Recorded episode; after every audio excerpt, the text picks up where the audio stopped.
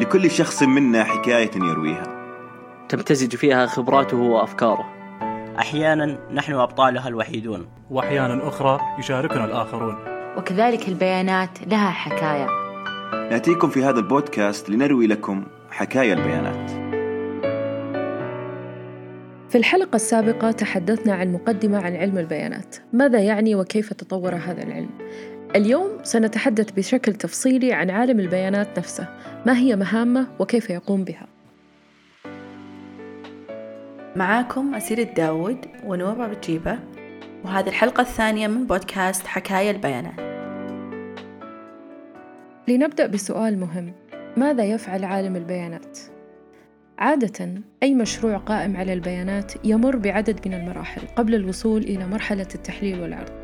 وهذه المراحل تمر بما يسمى بدورة تحليل البيانات أو Data Science Life Cycle وهي محاولة لتنظيم الخطوات بشكل ممنهج يسهل على من يريد تعلم وتطبيق هذه المهارات أن ينظم مهامه أو ما يسمى بمراحل العمل الفيزز ويساهم في تحقيق المصداقية في تحليل النتائج سنستعرض الآن أهم هذه المراحل وأهم المهارات التي يحتاجها عالم البيانات في كل مرحلة. أول هذه المراحل هي مرحلة تحديد الهدف والغاية من التحليل. الأكاديميين ومن يقومون بالبحث العلمي يسمون هذه المرحلة مرحلة تحديد الأسئلة. هذه المرحلة مهمة جدا وأساسية وتعتمد عليها بقية المراحل. إذا لم يكن لديك سؤال واضح تريد الحصول على إجابة له من الصعب جدا أن تجيبه. على أي حال، هذه الطريقة ليست الوحيدة، إذ يوجد العديد من الباحثين وخبراء البيانات الذين يبدأون بطريقة مختلفة تماما، وأصبحت هذه طريقة معتبرة ومتعارف عليها، وفي هذه الطريقة يمكن لعالم البيانات أن يعتمد على خبرته ويبدأ من البيانات نفسها في محاولة إلى أن يصل إلى أفضل طريقة لتحليلها، عن طريق ملاحظة وتحديد الأنماط أو الباترنز في الحالة الثانية المحلل يعتمد على خبرته ويوظفها في التحليل.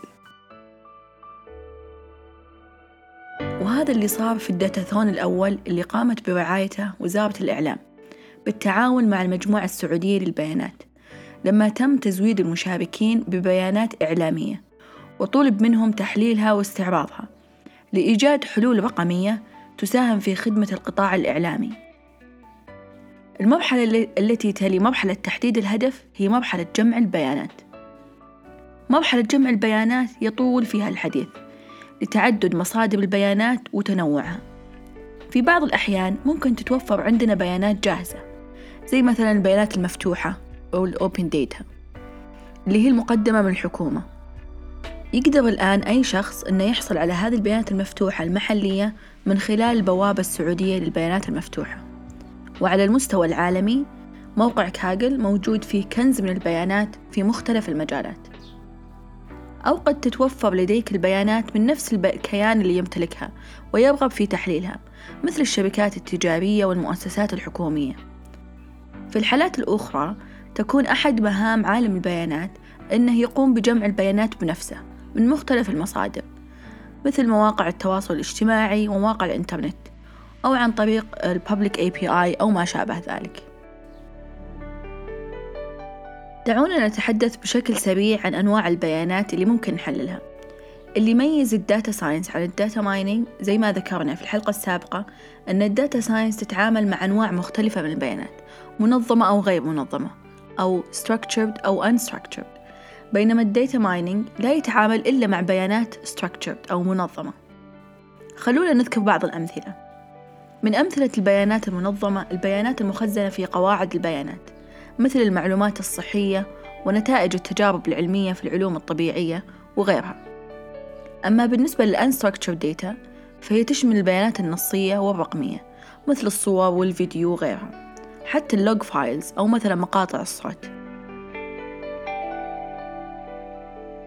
من أمثلة ال unstructured data اللي هي التغريدات. اشتغلت على مشروع قبل فترة عن موضوع تحليل آراء المجتمع السعودي تجاه قيادة المرأة. قمنا فيها بالتحليل على عدة مراحل. شملت البيانات التي تم تحليلها نص التغريدات وتم قياس ما إذا كانت هذه التغريدات سلبية أو إيجابية تجاه قيادة المرأة للسيارة. في هذاك المشروع تم الأخذ بعين الاعتبار معلومات ومواقع الأفراد وما إذا كانوا نساء أو رجال. هذه النوع من البيانات يعتبر unstructured data.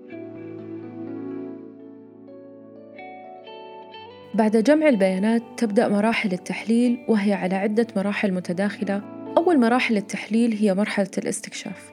بعد مرحلة جمع البيانات والتي قد تكون طويلة نسبيا حسب مصدر البيانات المطلوب تحليلها يبدأ عالم البيانات بالاطلاع على البيانات واستكشافها.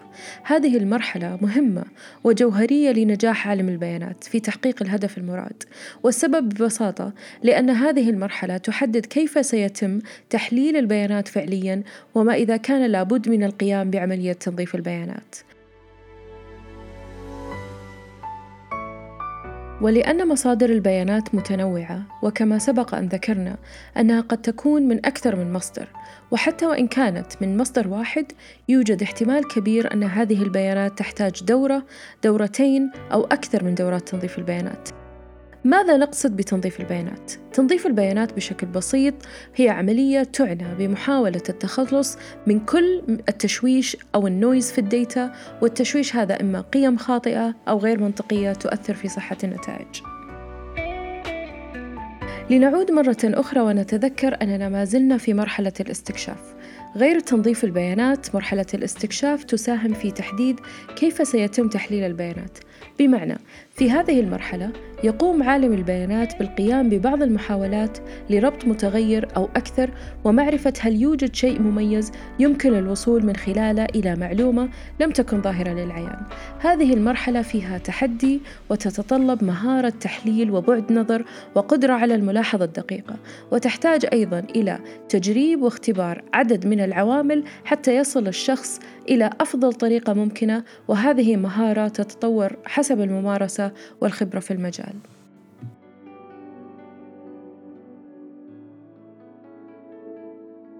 بعد مرحلة الاستكشاف تجي مرحلة التحليل نفسها في هذه المرحلة يتم توظيف خوارزميات حاسوبية مثل طرق تعلم الآلة أو المشين ليرنينج وبعض الطرق الإحصائية والرياضية لمحاولة تحليل البيانات أو توقع المستقبل بناء على الحاضر تختلف الطرق المستخدمة حسب نوعية البيانات المتوفرة والغاية من تحليلها.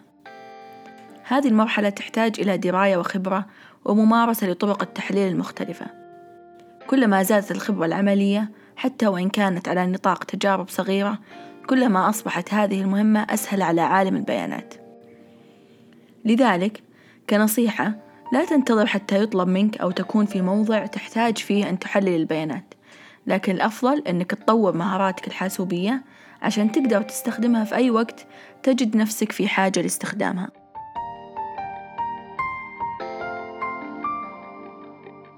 آخر المراحل وأكثرها متعة هي مرحلة تصوير ونقل النتائج وفيها يستخدم عالم البيانات أدوات خاصة للتصوير أو ال visualization.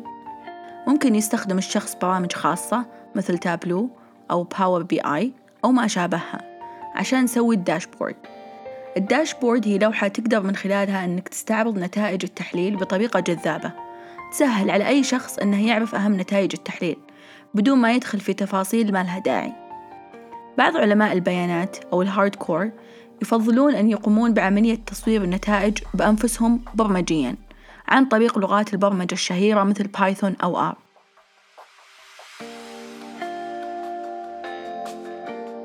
في حلقتنا اليوم تكلمنا عن المراحل أو الخطوات اللي يتبعها عالم البيانات أثناء تحليل البيانات. المراحل باختصار هي مرحلة تحديد الأسئلة وهي مرحلة جوهرية تحدد مسار عملية التحليل كاملة. بدون أن يكون لديك سؤال جيد صعب تقدر توصل إلى نتائج. المرحلة التي تليها هي مرحلة جمع البيانات وهذه المرحلة يواجه فيها عالم البيانات تحديات كثيرة لتحديد مصدر البيانات ومن ثم جمعها بمختلف الطرق الممكنة. بعد جمع البيانات تبدأ مراحل التنظيف واستكشاف البيانات وهذه المراحل فيها خطوات كثيرة تتبع محصلتها أنه يصبح لديك بيانات جاهزة للتحليل. الأمر الآخر يصبح لديك تصور فعلي عن محتوى البيانات بحيث تؤهلك للمرحلة القادمة التي تبدأ بها بعملية بناء النماذج التحليلية. وفي الأخير بعد ما نحلل تأتي مرحلة نقل وتصوير النتائج. أيا كان الغرض من التحليل لابد أن يتم شرح النتائج عن طريق رسوم بيانية توضيحية تساعد المتلقي على الاستيعاب. في الحلقة القادمة راح نحاول نجاوب على سؤال دائما يواجهنا وهو كيف أصبح عالم بيانات؟ شكرا لكم لاستماعكم لهذه الحلقة. هذا البودكاست يأتيكم من بيان بيان هي منصة مهتمة بتطوير وإثراء مجال علم البيانات بتفرعاته. ونلقاكم على خير.